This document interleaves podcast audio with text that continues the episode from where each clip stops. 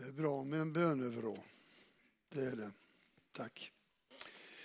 Innan jag börjar så vill jag bara visa det här, vi skulle haft i början också. Vi kommer fortsätta att ha några samlingar där vi samlas runt omkring Uppenbarelseboken. Och eh, det blir den 29 tredje. Ni kommer ha en sån här affisch som sitter där ute sedan också.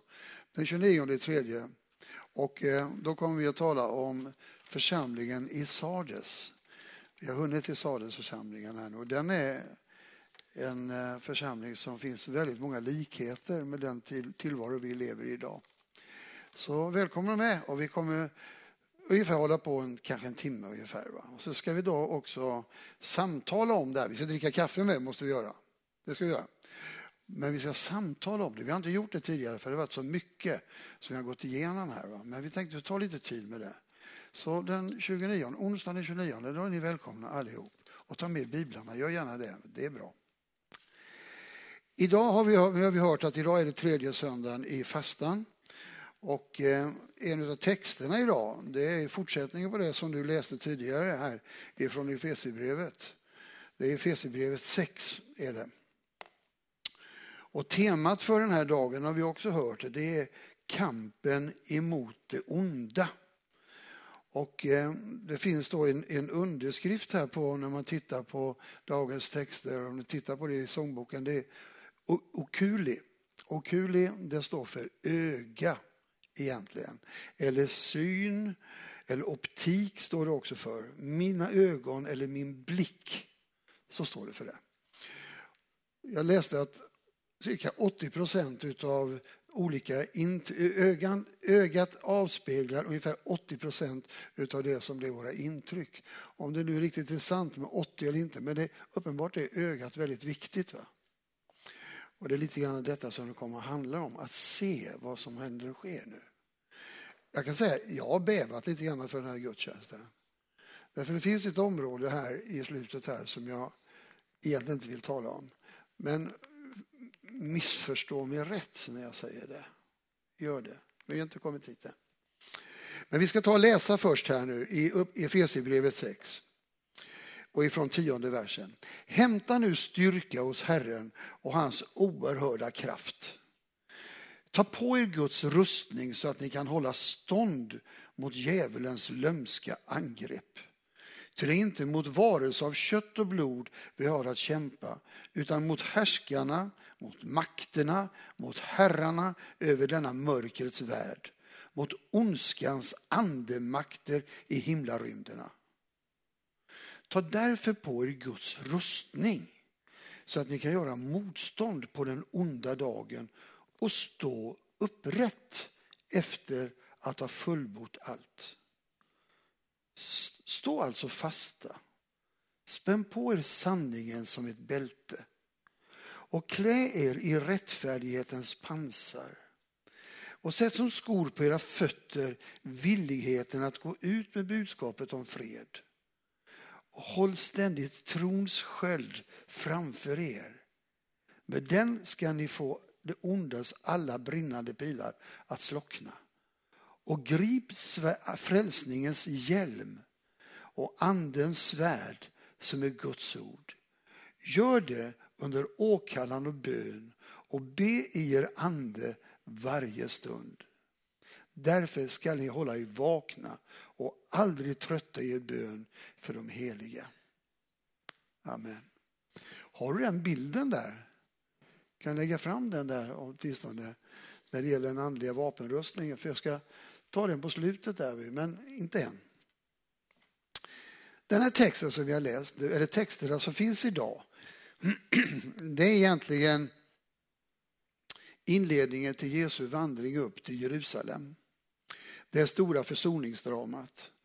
Och det är det här försoningsdramat som Jesus har för sitt sinne, för sin blick. Han vet vad som kommer att hända där. Och på vägen dit upp till Jerusalem så möter han väldigt mycket av, vad ska man säga, ondskans konsekvenser. Det här syndafallets konsekvenser egentligen. Det som hände efter syndafallet. Ifrån Edens lustgård. Men samtidigt så vet han en sak. Och det är att den gamle ormen ifrån urtidernas morgon kommer att bli besegrad. I första Mosebok kapitel 3, vers 15 så står det att jag ska sätta fiendskap, det är när man har ätit av den förbjudna frukten. Och då säger Gud så jag ska sätta fiendskapen mellan kvinnans säd och din säd. Men ormen ska krossa ormens huvud, men ormen ska stinga den i hälen. Så står det. Och det här det är verkligen någonting som händer. Den här att, att bita som han gjorde, det var alltså smärtan som Jesus upplevde då han gick till döden på korset. Och det var inte bara då, jag har sagt det tidigare, det var inte bara det att han hängde i de här sjutumspikarna i handlederna här inne, som det, där hängde han. Eller i fötterna som gick rakt igenom. Det var inte bara det, även om det gjorde fruktansvärt ont. Utan det som var hans smärta kanske, det har vi talat om. Och det kommer nu till påsk igen. Det är alltså det Kristuslidande som han hade. Det vill säga, detta gör han för mänskligheten och han vet att många människor kommer inte ta emot det här. Men han gör det ändå. Varför? Därför att han, du och jag är utsatta för hans omsorg och kärlek. När han skapar oss så står det, låt oss göra människor till vår avbild till att vara oss lika. Och vad menar med det? Vi ska umgås med honom. Det är det hans tanke. Och det var därför som han visste vad det skulle vara. Den värsta smärtan kanske egentligen, jag sa det var Kristuslidandet, det är väldigt stort. Men den värsta, den värsta, vad ska jag säga, fienden som du och jag som människa har, det är döden. Eller hur? Vi gör allt vi kan för att hindra döden i sjukvård, i allting annat. Och det är rätt. Men det är vår värsta fiende. Skapelsens värsta fiende. Och vad gör Jesus? Han besegrar det. Det är detta som är grunden i alltihop. Va? Att han uppstod ifrån de döda. Och vad är det? Det är en demonstration emot djävulen, emot ormen. Du har ingen makt längre. Ditt huvud är krossat. Det är det. Men nu säger du Göran, nu är du ute och cyklar riktigt ordentligt. Den tid vi lever i nu, det är ju inget annat än ondska vi ser. Ja, vänta lite. Man kan undra så här, vad har det här med att göra med det som vi har läst i Efesierbrevet 6 här egentligen? Ja, om vi tar en väldigt dålig bild, ta en dålig bild, försök att förstå det. Vi säger om man tar en orm och man krossar huvudet på den, vad händer med ormen då? Ja, det finns något som kallas för reflexer. Vilket innebär att den kommer att fladdra lite grann så här. Va? Men till slut slutar den. Eller att ta en höna, det har ni sett när man hugger huvudet av en höna och släpper hönan, blop, springer den iväg några meter och sen trillar den ihop. Eller hur? De där reflexerna, det kan vara till väldigt stor skada egentligen också. Och om man tar det här bildligt, det är en väldigt dålig bild på det här. Men jag menar det som händer i både i Ukraina och på andra ställen i vår värld idag, det är egentligen djävulens reflexer. För han är besegrad. Genom att Jesus uppstod ifrån de döda. Han har inte makten längre. Men han gör allt han kan. Signalerna gick ut för att fördärva så mycket som möjligt. Och det, de här skadeverkningarna de är väldigt, väldigt stora. Vi vet det. Paulus upplever detta väldigt, väldigt tydligt. Och därför är temat idag det är kampen emot ondskan. Det är därför det handlar om detta. Den här han skriver till det är församlingen i Efesus. Ni som var med på bibelstudiet, vi hade här för ett tag sedan vän, eh, hembesök i Efesus. Hade vi. Då talade vi om den här församlingen. En otrolig kontrast, där, en väldig paradox i den här församlingen. Det är otrolig väckelse, grunden för hela eh, mindre Asien, nuvarande Turkiet. Det väckelsen det gick ut ifrån Efesus. Paulus levde där i tre år. Och det var otroligt mycket som hände. Det var liv, och det var kraft, det var framgång. Samtidigt var det ett väldigt stort motstånd. Verkligen. Och man kan säga så här att Efesus, jag sa det då när vi hade den här samlingen, egentligen är staden Efesus som är alltså, vad ska man säga, eh, nyckeln för väldigt mycket av väckelse. Den staden var alla redan dödsdömd. Det var hemskt. Va? Ja, dels var det fysiskt sett var en dödsdömd därför att man hade huggit ner alla, all skog som fanns runt omkring Efesis för att tjäna snabba pengar. Vilket innebär att erosionen blev så stor så den här staden flöt bort i lera och gyttja. Men andligt sett var det likadant också. Vi vet en sak, att den här församlingen som var så stor och mäktig och betydelsefull, där mängder av under och tecken hände, 200 år senare finns den inte. Det är hemskt, eller hur? Det finns något som heter Efesus-syndromet om saker och ting som gjorde att detta stora verk försvann. Och det är olika saker, jag ska inte gå in på det här nu. Men helt uppenbart är det, därför är den här uppmaningen, Paulus han anar vad som händer och sker. Och det är därför det står, hämta nu styrka hos Herren av hans oerhörda kraft. Ja, det är rätt gott att läsa detta va? Wow, wow, wow. Ta på er Guds rustning så ni kan hålla stånd mot djävulens lömska angrepp. Om vi tänker på det som jag säger här nu, lömskheten då. Va? Ordet lömsk, den lömska här i grekiskan, grekiskan heter metodia. Och det innebär att om man läser nu, det är hemskt egentligen, när man talar om demonologi, läran om demoner och så vidare. Va? Men det är egentligen detta det handlar om. Det innebär att djävulens, hans taktik, vet du vad det är? Det är inte att komma framifrån, nu kommer jag här och smäller till er. Nej, hans metodik är att komma bakifrån.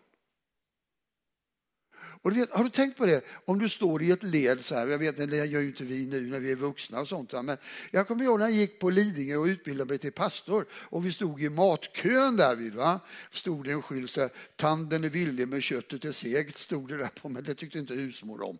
Men när vi stod där i alla fall, så ibland så, när man står där så kunde det hända någon som bakom och tryckte till i knävecken på en. Va? Det är ju livsfarligt. Det får man ju inte göra det. Om en Anders, det får man väl inte göra. Vad är du Anders? Ja, där, där sitter du. Du som är, handlar om det här hjälpa människor som blir fördärvade. Va? Nej, det är inte bra. Nej. Och vad händer? Du tappar fullständigt kontrollen. va? Eller hur? Det är det sätt han arbetar på. Och det är därför Paulus talar om detta. Var beredda på det här och hämta därför styrka ifrån Herren så ni kan stå upprätta. Det är det som är tanken med det hela. Här, verkligen.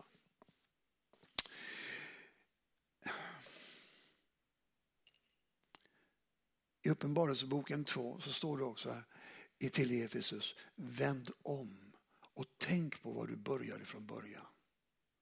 Tänk på vad du utgick ifrån. Vi befinner oss i en, en, en märklig tid nu, eller hur? Det är en svår tid. Samtidigt som det är ganska märkligt om man undrar vad det är som händer och sker. Va? Jag tror att väldigt många människor i Sverige idag, man är fundersam över varför det är, jag menar priserna och alltihopa, elpriser och matpriser och allt vad det är. Men samtidigt så tror jag att det finns väldigt många som tar för givet att, att det ska vara som tidigare. Samtidigt som, lyssna nu, samtidigt som vårt sekulära Sverige vänder guden mer, vänder guden ryggen mer och mer. Och det här det oroar mig. En del säger att när man blir pensionär då bör man tala om Jesu andra återkomst. Nej, jag tror inte det handlar om det. Men det oroar det. Jag vet inte när han kommer. Jag hoppas han kommer idag. Men vi vet inte. Men det här som håller på att hända och ske i vårt eget land alltså. Vi har det så bra. Och ändå så ska vi inte ha med Gud att göra. Vem är det som har hjälpt oss att komma så här långt? Ja, det är alla de här rörelserna på 1800-talet.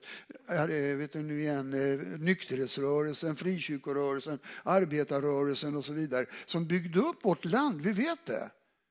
Men Gud välsignar detta. Och människorna fruktade Gud. Men nu behöver vi inte Gud längre. Och ibland så, och nu kommer det här kanske konstiga som jag inte visste om jag, jag vet inte om jag ska ta upp det. Jo, jag ska göra det. Mycket av det som vi ser i media, det är en attitydsförändring många gånger av goda normer som har blivit devalverade. Och det nya, moderna, sekulära samhället lyfter fram detta som normalläge. Och detta är av oro. För vi känner inte detta. Vad var det han sa? Dessa, vad gör djävulen? Han går omkring med sina listiga angrepp. Och när vi kommer att läsa om församlingen i Sardes, som jag sa här, de här sju församlingarna, det är bilder på hur de levde i den nu-situationen. Och uppenbart är att även om vi, vi har inte den kulturen nu, men det påminner om beteenden som oroar mig väldigt mycket. Och Paulus han skriver bland annat till församlingen i Filippi som ligger lite högre upp då, som upplevt en otrolig väckelse. Men han säger så här, människorna i den sista tiden kommer att söka sin ära i det som är deras skam. Jag tittade på ordet skam. Det betyder genant. Man söker sin ära i det som är genant. Kan det stämma? Ja, varenda en av oss har vi tv.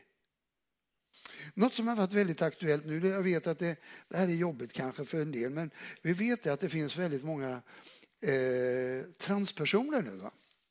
Eller jag tror inte de är så många, men det finns en del transpersoner. Och nu vet vi det att nu har då tv, de har producerat 11 program runt omkring detta. En tävling med sexualanspelningar som också sänds efter Melodifestivalen. Stor, eh, SVTs storsatsning på eh, drag queens kritiseras för sexism. Och när man läser om det här så kan man undra vad i all sin dag är detta? Det handlar väldigt mycket om jag ska säga här, det står, ja det här är mycket här alltså. Flaggskeppet är tävlingsprogrammen Drag Race Sverige. Elva program. Man har lagt ner tre år i förberedelse för att göra dessa, dessa programmen. Och det, det handlar då om, som det står här, eh, två grupper som var med nu härom, för veckan som heter Santana Sex Machine och Vanity Vain. Vilka namn! Satana Sex Machine. Alltså en sån här grupp då. Va? Jag tittade på Satana och tänkte, det här känner jag igen. Och då gick jag tillbaka till Gamla Testamentet, till Josua. Och det står så här att den staden när de gick över Jordanfloden, den översvämmades och när de skulle gå över så står det att vattnet stannade upp, uppe i en stad som heter Saretan. Den hårda staden, den kalla staden. Kaosmakten var tvungna att stanna där när Guds folk skulle gå över. Det är samma namn som nu vi håller på att titta på och lyssna till. Och det showar för fullt alltså. Det här, var så här, det här var en av kommentarerna. Det har kommit en del kritik mot Drag Race Sverige. De är kraftigt sexualiserade och nedvärderande uttryck om kvinnors grovt språk och olika referenser till sex. Och då får man en kommentar ifrån dem här, ifrån SVT. Detta är en kulturyttring som är uppfriskande, frispråkigt och använder sig av ganska mustig jargong. Bara för att retas och provoceras. Men det handlar i grunden om glädje, kreativitet och äh, äh, artisteri. Men eh, när man läser om det här alltså, och när man ser detta då, då tänker jag på så här, det sitter små tjejer och killar då som älskar Mello då. Mina barnbarn sitter och tittar på det. Till och med vår dotter nere i Kenya sitter och tittar på detta. Och där sitter mina barnbarn och ser på det här jävelskapet. Detta då när man, eh, när man travesterar på en osund sexualitet, när man, när man talar om eh, anspelningar på sexualitet, könsorgan, onani, fetism, sexuella bestraffningar, hora, bitch och ett grovt språk. Och då funderar jag på det här. Vilka normer skapar detta? Listiga angrepp. Har ni sett det här nya programmet? Nio program som, som håller på att utvecklas nu. Ett datingprogram som heter Min mamma och din pappa. Göran, nu är du ute och cyklar. Du måste vara lite mer modern. Vad skapar det för relationer? Att min pappa dejtar med din, min mamma dejtar med din pappa och så ska jag som barn sitta och värdera detta. Vad är detta för någonting? Detta är underhållning som vi har betalat med våra pengar. Alltså, djävulens listiga angrepp. Det här är bara något litet. Och du tycker att jag, Göran, nu är du ute och cyklar, du ska inte hålla på med det här. Du ska predika evangelium. Ja, det ska vi göra. Men vad säger Paulus? Ta på er Guds rustning så ni kan stå upp. Det här är inte partipolitik som vi håller på med nu. Det är det inte. Men det här är exempel, några två exempel på det som påverkar det som är vår nästa generation. Med våld och djävulskap. Och då säger Paulus till sin församling, Efesus, väckelsens, ständ, stä, väckelsens, ständ, eh, äh, eh, väckelsens centrum. Det är en ständig konfrontation med evangeliet. Därför är dagens text, Gud vill något mer. Gud vill ge oss möjlighet till att överleva. Gud vill ge oss beskydd. Jag tror att Gud vill ge oss en medvetenhet om den andliga existentiella verklighet vi lever i. Vänner, ibland tänker man att du ska bara predika sånt som upplyfter upp och man ska vara glädje och alltihopa det här. Och det, ja, det ska vi göra. Men det här är också en verklighet. Kom den 29 ska du få lyssna på vad som händer i församlingen i Sardes. De levde inte under förföljelse. Nej, de hade det jättebra. Men det står också, glöm inte av vad du har fått tidigare. Den som har öra, han hör vad anden säger till församlingen. Jag står och knackar på dörren. Får jag komma in? Ja, nu är jag färdig med min predikan. Men jag ska ta det sista här. Det här är alltså Guds vapenrustning. Och det här skulle vi kunna ha ett helt bibelstudium om egentligen. Jag ska klara av detta på 4 minuter och 30 sekunder. Ta tiden ska du få se. Ungefär, kanske 35 eller 5 minuter. Nej, det ska gå fort där nu.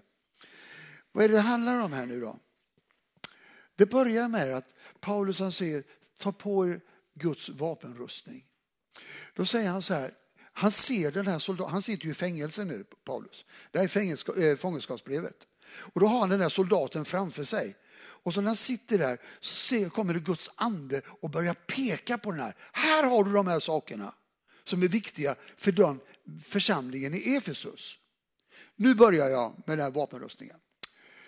Du ska ta på dig ta på er sanningens bälte. Han såg soldaten hade ett brett bälte runt omkring sig som han drog åt. Varför? För att ge stadga åt kroppen när han stred. En annan sak var tunikan som de hade under, den fick inte fladdra runt omkring. Han fick sätta upp det ordentligt så kläderna satt fast. Därför i annat fall när man stred i närstrid så drog man i kläderna och de trillade omkull. Nej, håll er till sanningen. Sanningen ska göra er fria. Det andra är rättfärdighetens pansar. Det är det som är här framme.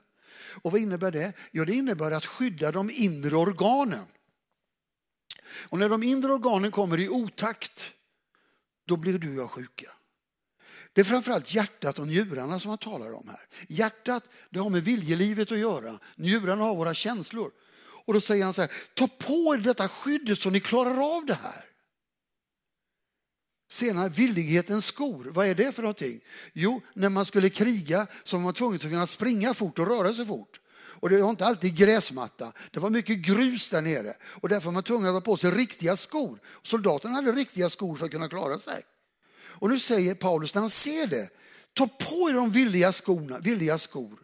Så att ni kan gå stad, inte känna aj, aj, aj, det gör så ont nu, nu låter vi bli att gå här. Och så alla undanflykter. Nej, ta på er det. Sen talar han om trons sköld. Flexibilitet står det där. Och vad var det? Jag tror, tror det att lita på, räkna med, hålla för sant betyder Pisteo. Och den här skölden den är flexibel. Där kommer ett där och där kommer ett där och där. Det är detta det handlar om. Våra liv är så komplicerade många gånger. Och därför står det skulle skydda emot ondskans brinnande pilar. Tala om att djävulen skjuter brinnande pilar.